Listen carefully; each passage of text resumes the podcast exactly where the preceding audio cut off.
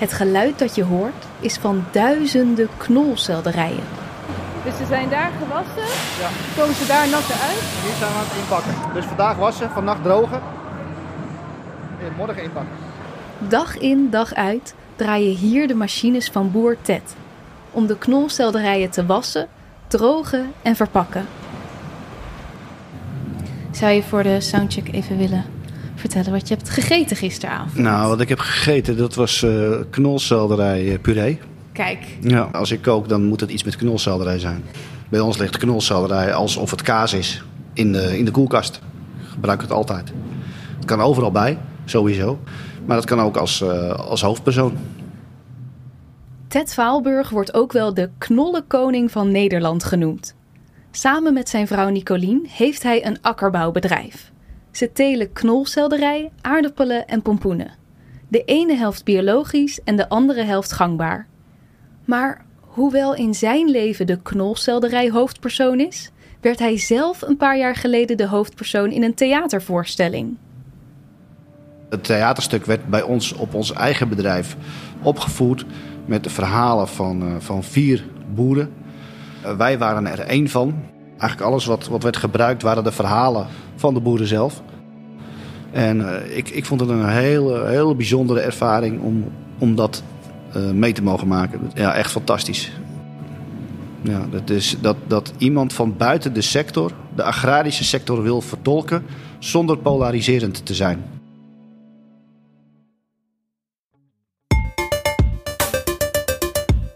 Welkom bij Wij zijn kunstenaar. In deze podcast zoeken we uit hoe en of kunst kan zorgen voor verandering. Mijn naam is Diede Vonk en ik spreek met creatieve makers die onze wereld kritisch bevragen. Ze betrekken bij hun projecten gewone mensen uit de samenleving, zoals jij en ik. ja, daardoor maak je eigenlijk die, die enorme kloof die er is even heel klein. Dus die, die, die bubbels, die, je zit even samen in een nieuw gecreëerde bubbel. Is het een illusie om te denken dat kunst echt iets kan veranderen? Of maken deze projecten daadwerkelijk verschil voor de makers, deelnemers en de wereld om ons heen? We groeien uit elkaar. En de kunst is, hoe komen we weer tot elkaar? De initiatieven waarover je zult horen hebben steun gekregen van het Vriendenloterijfonds. Ik hoop dat de makers en deelnemers van deze projecten me kunnen leren hoe we onze maatschappij beter en mooier maken. Je hoort het in Wij zijn kunstenaar. Ik zie gewoon voornamelijk heel veel mensen die op hun eigen eiland, in hun eigen bubbel, in hun eigen verhaal leven. En ik vind het heel belangrijk om bubbels bij elkaar te brengen. En mensen te verleiden om zich te bewegen door verschillende bubbels heen.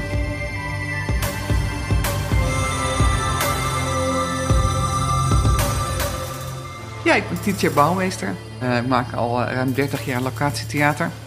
Dus ik hou ervan om eh, naar een plek toe te gaan waar de wereld verandert. En eh, waar gemeenschappen veranderen, waar mensen veranderen. Waar verhalen te vinden zijn. En daar maak ik voorstellingen. Dus ik, wat ik doe is dat ik naar plekken ga en met mensen ga praten. En dan me eigenlijk verdiep in wat er speelt. En vervolgens bedenk, goh, hoe zou ik dit kunnen vertellen, dit, dit grotere verhaal. Ik ben op bezoek bij Titia Bouwmeester. En zoals je misschien hoort, haar hond Mila. Titia maakt al haar hele leven locatietheater, waarvan lange tijd bij het gerenommeerde gezelschap Tochtroep. Nu maakt ze met Caravaan en Stichting Het Vijfde Kwartier het culinaire muziektheater Drieluik Grondproeven.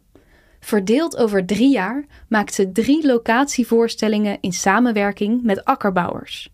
Grondproeven is een theaterdrieluik over de landbouwtransitie. Culinair muziektheater. Een voorstelling en een driegangen diner. Drie jaar geleden heb ik me tevens laten bijscholen als eh, vegetarisch chef-kok. Ik kook al mijn hele leven. Voor mezelf, voor mijn gezin en professioneel ook als kok. En toen heb ik eigenlijk besloten om mijn theaterkennis en mijn culinaire kennis te combineren. Dus wij eh, verzamelen verhalen van eh, boeren. Wij doen heel veel onderzoek naar wat er speelt. Het publiek eh, kijkt naar acteurs die in de huid kruipen van akkerbouwers. En eh, worden deelgenoot van hun ontwikkeling, van hun zoektocht. En tegelijkertijd eh, kijken en luisteren ze naar muzikanten die die emoties van die akkerbouwers uitvergroten.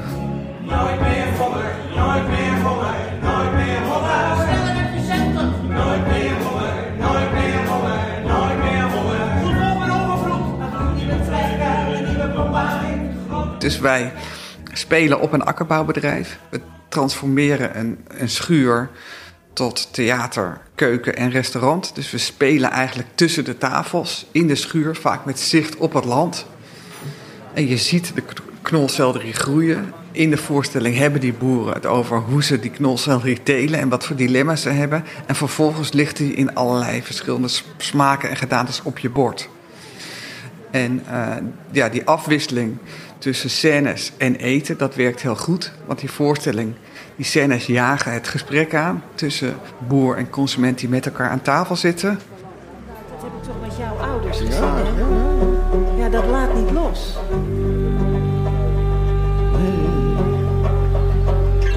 Nee, dat laat niet los. Een lekker eten maakt zacht en open. En ja, zijn mensen eigenlijk veel meer geneigd om zich te verdiepen in met wie ze aan tafel zitten. En dat, dat opent allerlei mogelijkheden voor, voor nieuwe gesprekken. Ja, ik ben zelf heel erg gewend om met al die, al die zintuigen te beroeren en al die middelen te gebruiken om je verhaal te vertellen, zodat dat zo ja, indringend mogelijk kunt zijn, dat het echt een ervaring is. Ja, ik vind dat we eigenlijk allemaal heel erg allemaal koppoters zijn. We beleven de wereld heel erg met ons hoofd. We proberen te snappen, maar sommige dingen kan je niet snappen. Die moet je ervaren. En voor heel veel mensen is het ook niet vanzelfsprekend om te zien waar hun groente groeit of wie dat teelt. Dus dat was een van mijn eerste en belangrijkste doelstellingen om de mensen die onze groenten maken, om die een gezicht te geven. Ik voel me gelijk aangesproken. Te veel bezig in mijn hoofd, te weinig met al mijn zintuigen. Ik ben geboren en getogen in de stad en denk zelden na over waar mijn komkommers, broccoli of aardappelen vandaan komen. Laat staan dat ik elke avond bewust met al mijn zintuigen waardeer wat ik eet. Wist jij bijvoorbeeld dat de moederaardappel van de aardappel die jij in je winkelmandje legt, wel zes tot acht jaar geleden de grond in is gegaan? Er is zoveel planning en werk voorafgegaan aan het eten dat wij eten. Vroeger had iedereen wel een neefje of een nichtje of een oom of een tante die een agrarisch bedrijf had. En nu zijn er natuurlijk heel veel mensen die echt niet weten wat er in de akkerbouw gebeurt. Tegelijkertijd moeten er allerlei beslissingen, belangrijke beslissingen worden genomen. En daardoor ontstaat er op dit moment eigenlijk een enorm gepolariseerd debat. Dus de mensen uit de stad hebben een mening over de boeren. De boeren hebben een mening over mensen uit de stad. En eigenlijk komen die groepen niet goed meer tot elkaar. En dat, ja, die polarisatie maakt eigenlijk dat niks meer kan bewegen. Dat, er, dat, dat die hele verduurzaming, die eigenlijk heel erg nodig is en waar akkerbouwers ook naar op zoek zijn, eigenlijk nog meer stagneert. Alle akkerbouwers zijn aan het nadenken over hoe ze hun bedrijf kunnen verduurzamen. Iedereen is op zoek. En iedereen is op zijn eigen manier op zoek. Ja, dat blijkt in praktijk nog niet zo makkelijk te zijn om om te schakelen. Dus ik ben vooral dat gaan onderzoeken. Dus ja, waarom schakel je wel of niet om? Het is natuurlijk ook een universele vraag. Waarom schakel je als mens? Waarom schakel je wel of niet om? Waarom blijf je bij het oude? Of waarom ga je nieuwe paden verkennen? En wat, en wat is er voor moed nodig om dat te doen?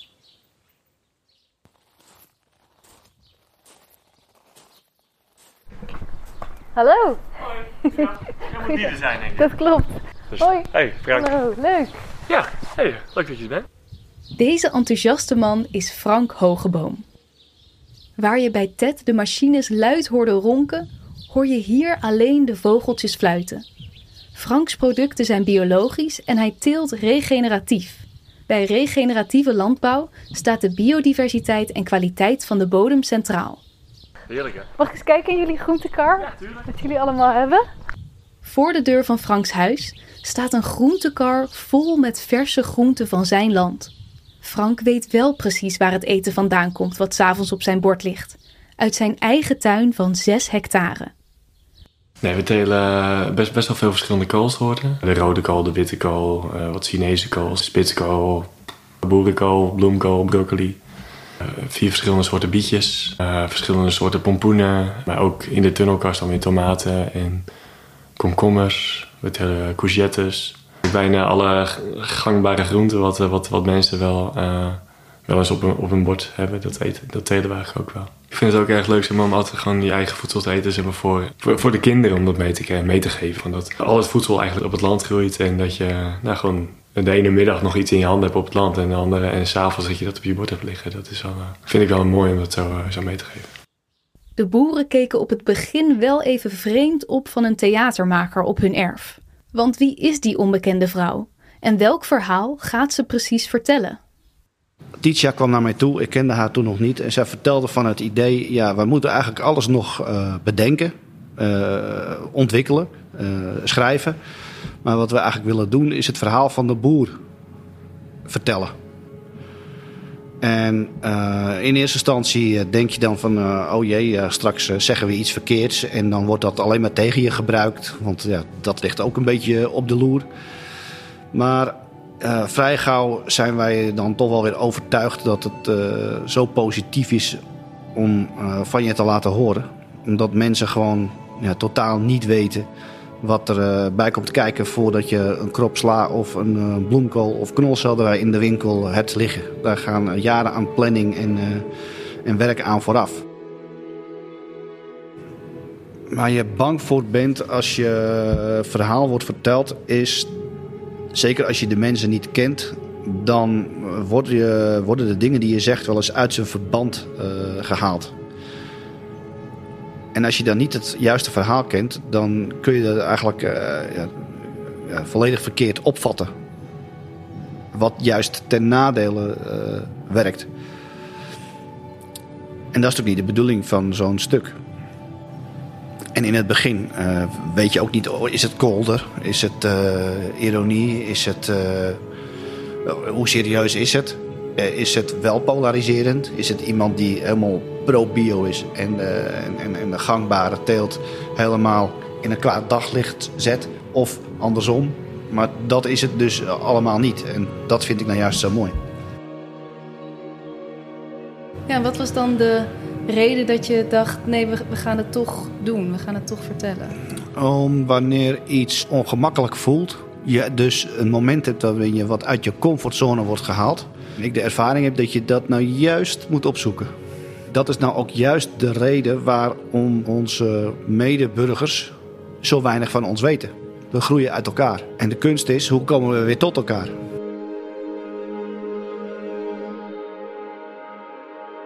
Hoe komen we weer tot elkaar?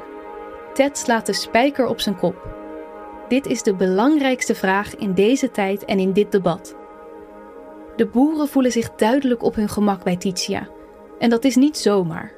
Naast dat ze de boeren interviewt, leest ze zich uitgebreid in, doet ze achtergrondonderzoek en dompelt ze zichzelf en haar acteurs echt onder in het leven van de boeren.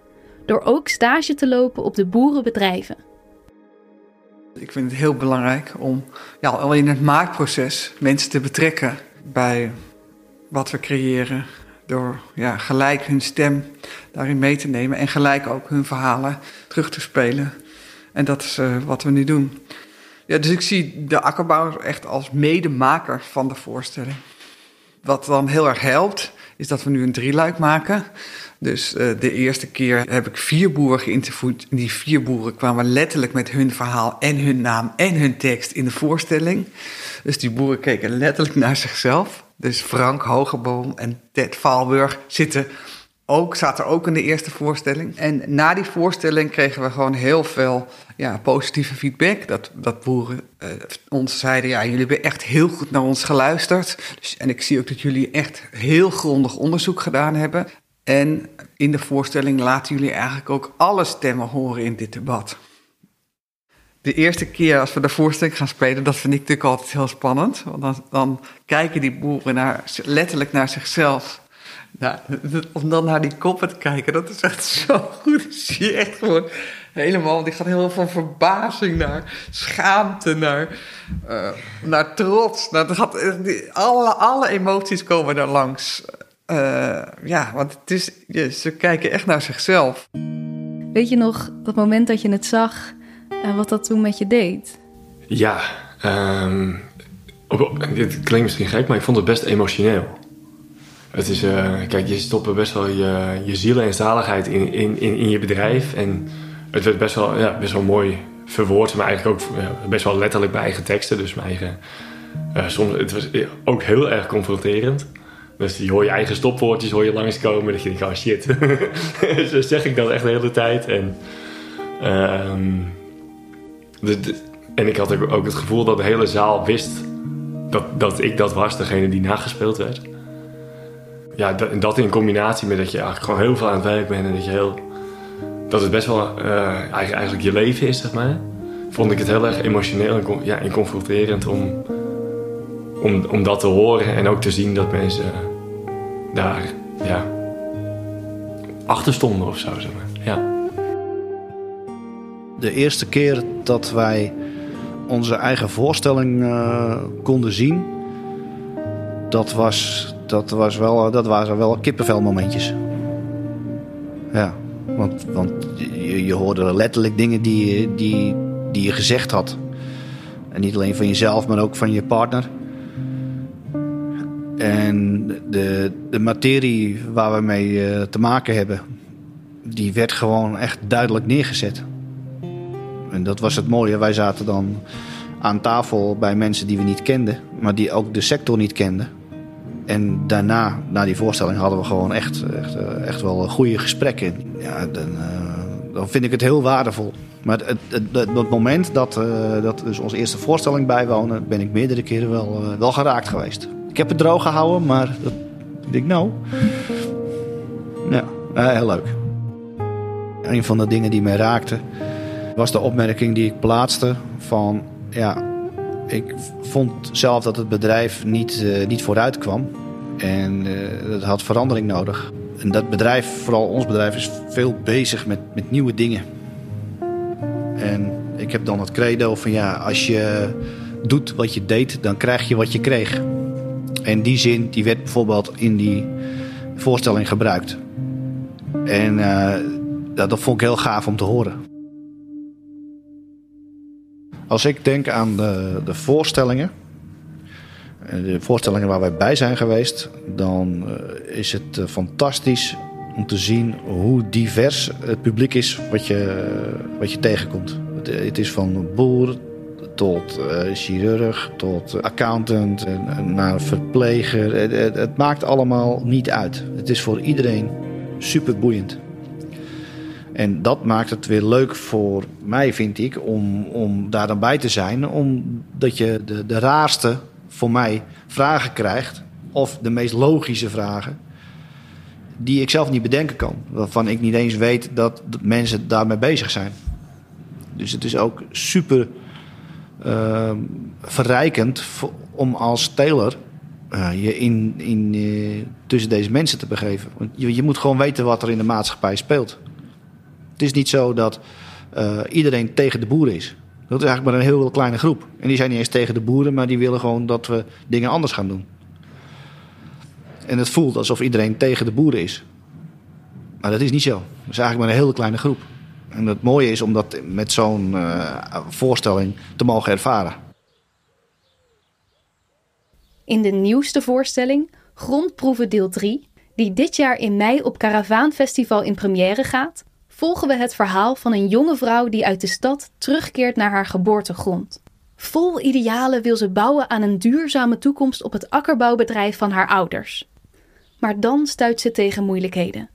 Terwijl de grond onder haar handen tot leven komt, wordt het steeds warmer en dreigt de oogst te mislukken. Durft ze te vertrouwen op de kracht van de natuur? Dit alles lijkt veel op het verhaal van Frank. Hij schakelde het bedrijf van zijn vader en oom om, maar niet zonder slag of stoot. Ik zat altijd te twijfelen van wil ik biologisch of wil ik gangbaar wat, wat vind ik eigenlijk, zeg maar. Wat, wat, wat zou ik zelf willen wat de toekomst wordt? Zeg maar van, eh, niet alleen voor mezelf, maar ook van eh, waar, waar, de, waar, de- agrarische sector naartoe gaat. En toen kwam ik best wel elke keer wat voordelen van, de, vo- voordelen van biologisch en voordelen van, van gangbare, zeg maar. En ook voor het product. En ook voor eh, het voedselaanbod, überhaupt. En toen kwam ik er steeds meer van, oké, ik moet meer, meer kijken naar de ge- gezondheid van bodem en de gezondheid van planten, dan dat iets, eh, iets een stempeltje ergens op drukken van biologisch of gangbaar. En zo ben ik eigenlijk meer, eh, meer dingen gaan lezen en, en ook eh, wetenschappelijke artikelen over de bodem en over planten en, en gaan leren. En, en dat vond ik eigenlijk zo interessant, zeg maar. En hoe ik nou meer, nu ben ik echt wel meer de richting van de regeneratieve landbouw ingeduwd. En dat, ja, dat, dat vind ik nog steeds echt super interessant. Goed, en, en, en ik leer nog echt, echt iedere dag bij. En, dat, ik weet nu ook al dat het nog de komende 10, 20 jaar ook zo zal blijven, zeg maar. Wanneer ik weer terug thuis ben, bereid ik voor een diner de knolselderij voor die ik heb gekregen van Ted en de spruitjes uit de groentekar van Frank. De mensen met wie ik eet zeggen dat het de lekkerste spruitjes en knolselderij zijn die ze ooit hebben geproefd. Nou ben ik zeker niet zo'n goede kok als Titia, maar ik snap opeens wel veel beter wat de toegevoegde waarde is van het eten tijdens de voorstelling.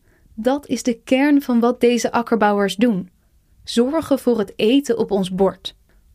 Door niet alleen te praten, maar ook te proeven, komt het nog zoveel meer binnen. Frank zag dat ook gebeuren bij het publiek tijdens de voorstelling. Ja, je, je wordt aan het denken gezet.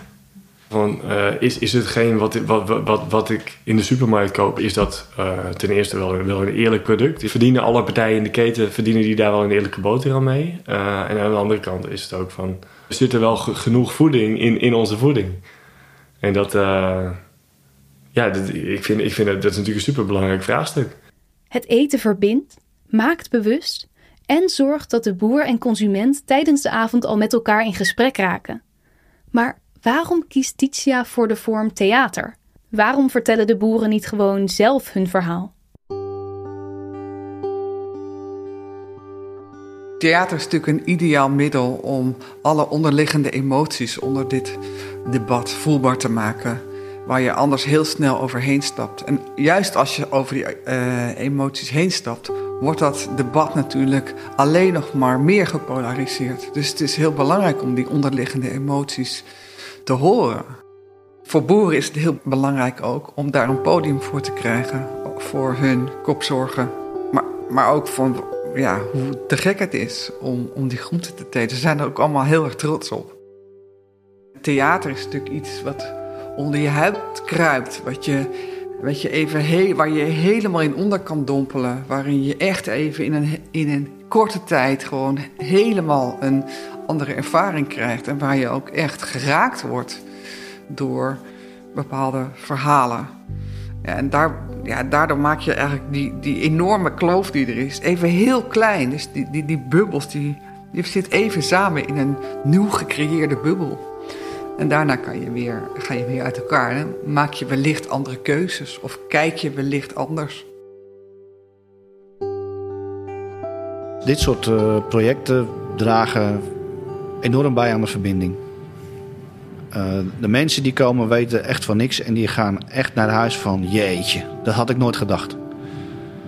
De verwondering is, is groot. Eh, no- nogmaals, het, is niet polariserend. Het is, je wordt gewoon aan het denken gezet.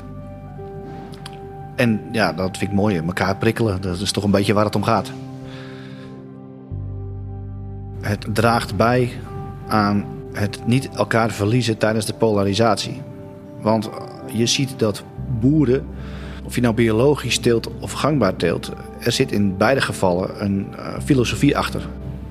Dus als je pro-bio of pro-gangbaar of eh, het ook niet precies weet of eh, nog anders denkt, je wordt aan het denken gezet na deze voorstelling.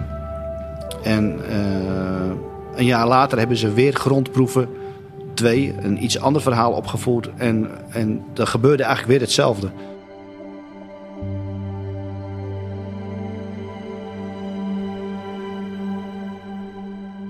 Vorig jaar vertelden we onder andere het verhaal van eh, Peter Appelman. Dat is een van de grootste broccoliboeren in Noord-Holland. En het verhaal was voor een heel groot deel gebaseerd op zijn familieverhaal. Op dat van hem en zijn vrouw en zijn kinderen. En hij was echt ongelooflijk geraakt door, eh, door, eh, door de voorstelling. En hij kwam elke avond kwam hij eh, zo aan het eind van de voorstelling weer binnen en ging het publiek toespreken om ons te bedanken dat we dit deden. Dat was echt heel bijzonder. Dus hij zei, en elke avond ging hij weer uitleggen aan het publiek dat, dit, dat ze niet hebben gekeken naar een, naar een voorstelling, maar dat ze, dat ze hebben gekeken naar, naar hem. En hoe reëel ook die voorstelling is en hoe realistisch en hoe dichtbij we die ook brengen. Mensen kunnen toch altijd nog denken, goh, dat is een voorstelling. Maar doordat hij daar dan ging staan, kreeg ik van heel veel mensen ook toch jeetje, dit is, het, is, het echt. En, en zijn emotie die hij daar dan vertelde over wat het voor hem betekende, dat is echt ongelooflijk. En ben je, ben je trots als je ziet wat, je al, nou, wat er al gebeurd is, wat je allemaal in gang hebt gezet? Dat vraag ik ook altijd aan de boeren. Ben je trots? Ja, dan zeggen ze trots, trots. Nou, ja, we doen gewoon ons werk, hè. Ja, dat zeg ik ook. Ja, ik doe gewoon mijn werk. En uh, ja, ik ben, heel erg trots altijd op, op het team waarmee ik werk. Het, het artistieke team, al samen met die boeren. Ja, waar ik heel blij van word, is dat uh, boeren nadat ze de voorstelling hebben gezien, hun vrienden uitnodigen of hun kinderen. Omdat ze er zo door geroerd waren en zich zo in herkenden, dat ze het belangrijk vinden dat andere mensen dit ook gaan zien. Dus dat vind ik wel een teken dat we het goed gedaan hebben. Als zij uh, hun achterban gaan, uh, gaan mobiliseren. De, dus als ik nu naar zo'n akker kijk, kijk ik er met hele andere ogen naar. Dus dat is eigenlijk ook wat ik mijn publiek wil meegeven. Echt de relatie van de akkerbouwer met zijn land. En ik wil dat mijn publiek met de ogen van de boer naar dat land kan kijken. En wij, de gewone mens, heeft ook zo, is zo onthecht eigenlijk. Hè? Dus ik denk eigenlijk veel te weinig na over het land of de aarde. Ik heb, ben zelf in zekere zin ook ontworteld. Ik til niet meer mijn eigen groenten. Ik kan gewoon hier naar de supermarkt lopen. Dus, en dat zie ik heel erg om me heen, dat we daarin eigenlijk een bewustzijn kwijt zijn geraakt van eten, van de zon die schijnt, die energie geeft, die groenten laat groeien, wat die wij weer op, opeten, wat weer energie geeft, wat weer teruggaat in de bodem. Dus ja, dat vind ik heel mooi om dat mensen te laten ervaren. Waarom is dit zo belangrijk voor jou? Waarom ontroert het jou zo, die relatie tussen grond en mens? Ja, misschien wel omdat ik dat zelf heel erg mis. Uh, uh, ja. Wij, wij waren ons eigenlijk allemaal superieur. Hè? Dus wij, wij, wij hebben helemaal geen, zijn niet meer afhankelijk van het land. Dus als je denkt drie generaties terug. En toen waren wij nog wel heel afhankelijk van het land. Van wat het land ons gaf. Wat voor van oogsten die lukten of mislukten. En, uh, en zorg voor het land. Maar wij zijn allemaal eigenlijk heel erg ja, onthecht of ontworteld geraakt. De onthechting die Titia beschrijft is groot. De polarisatie tussen boer en burger is enorm. Toch hoor ik in ieder geval bij Ted en Frank dat het hun blik heeft veranderd. Dat ze zich veel meer verbonden voelen. En hetzelfde zien gebeuren bij het publiek dat komt kijken. Hoe ziet Titia dit? Heeft zij met grondproeven onze maatschappij veranderd? Al is het maar een klein beetje? Vroeger was ik daar heel idealistisch over en dacht ik echt dat ik met mijn voorstellingen de wereld kon veranderen. Uh, en daar ging ik ook 100% voor. Inmiddels weet ik dat ik dat niet kan. En heb ik me, neer, heb ik me daarbij neergelegd. Uh, maar ik probeer het stiekem natuurlijk toch uh, om dat wel te doen. Maar, maar wat er uiteindelijk mee gebeurt, is niet, niet meer aan mij. Hè? Dat is aan de mensen die die voorstelling hebben gezien. En, en, de boeren die gastheer zijn geweest, of de boeren die zijn komen kijken, of de mensen die straks weer hun groente gaan kopen. Dus mijn taak is om te inspireren als theatermaker, maar ook, toch ook om hoop te geven. Ja, in de voorstelling vertellen het verhaal van een jonge vrouw die haar hart volgt. Uh, en die de moed heeft om dingen aan, te veranderen. Ja, en, en uiteindelijk in de voorstelling, na heel veel tegenslagen, zie je toch dat haar dat lukt. En uh, heeft zij een andere relatie met de, met de familiegrond, met de grond waarop ze is groot ge, geworden. Ja, en ja, ik probeer daar wel eh, ook hoop mee te geven dat het kan. En er zijn natuurlijk echt een heel aantal boeren die al heel duurzaam telen of biologisch telen. Ja, en het is, het is, dat is een eenzame strijd eh, die zij eh, voeren. En ehm, ja, het is belangrijk om eh, consumenten te inspireren, maar ook om andere akkerbouwers te inspireren dat het kan. En dat, ja, dat, daarvoor heb je niet alleen cijfers en jaarverslagen en kranten nodig, maar soms ook een voorstelling. Vorig jaar waren er ook, kwamen er heel veel jonge boeren naar de voorstelling. Ja, dat vond ik ook te gek om dan daarna die gesprekken met hun te, eh, te volgen. Of, het, het plant letterlijk zaadjes, deze voorstelling, in mensen hun hoofd. En ja, ik ben heel benieuwd wat daar straks op gaat komen. Een hoop van die zaadjes zijn al aan het ontkiemen. Titia wordt vanuit heel Nederland gebeld of ze haar voorstellingen ook op andere plekken op boerenbedrijven kan komen spelen. En ook jij kunt deze culinaire theaterervaring nog meemaken. Vanaf 17 mei speelt Grondproeven 3 op Theaterfestival Caravaan in de buurt van Alkmaar. Kijk voor de actuele speeltijden op grondproeven.nl. Dank voor het luisteren naar Wij zijn kunstenaar, een podcast van het Vriendenloterijfonds. We hopen dat je het een interessante aflevering vond. Abonneer je op de podcast om onze volgende afleveringen niet te missen. In deze aflevering hoorde je Titia Bouwmeester, Ted Vaalburg en Frank Hogeboom. Dank voor jullie verhalen. Deze podcast is een productie van de Makers Podcast en werd gemaakt door mij, Diede Vonk. De muziek die je hoort is van David Zwarts en de audiomixage is gedaan door Sonja Vos. Grondproeven kon gemaakt worden mede door steun van het Vriendenloterijfonds. Meer weten over de mooie projecten die zij ondersteunen? Ga naar vriendenloterijfonds.nl.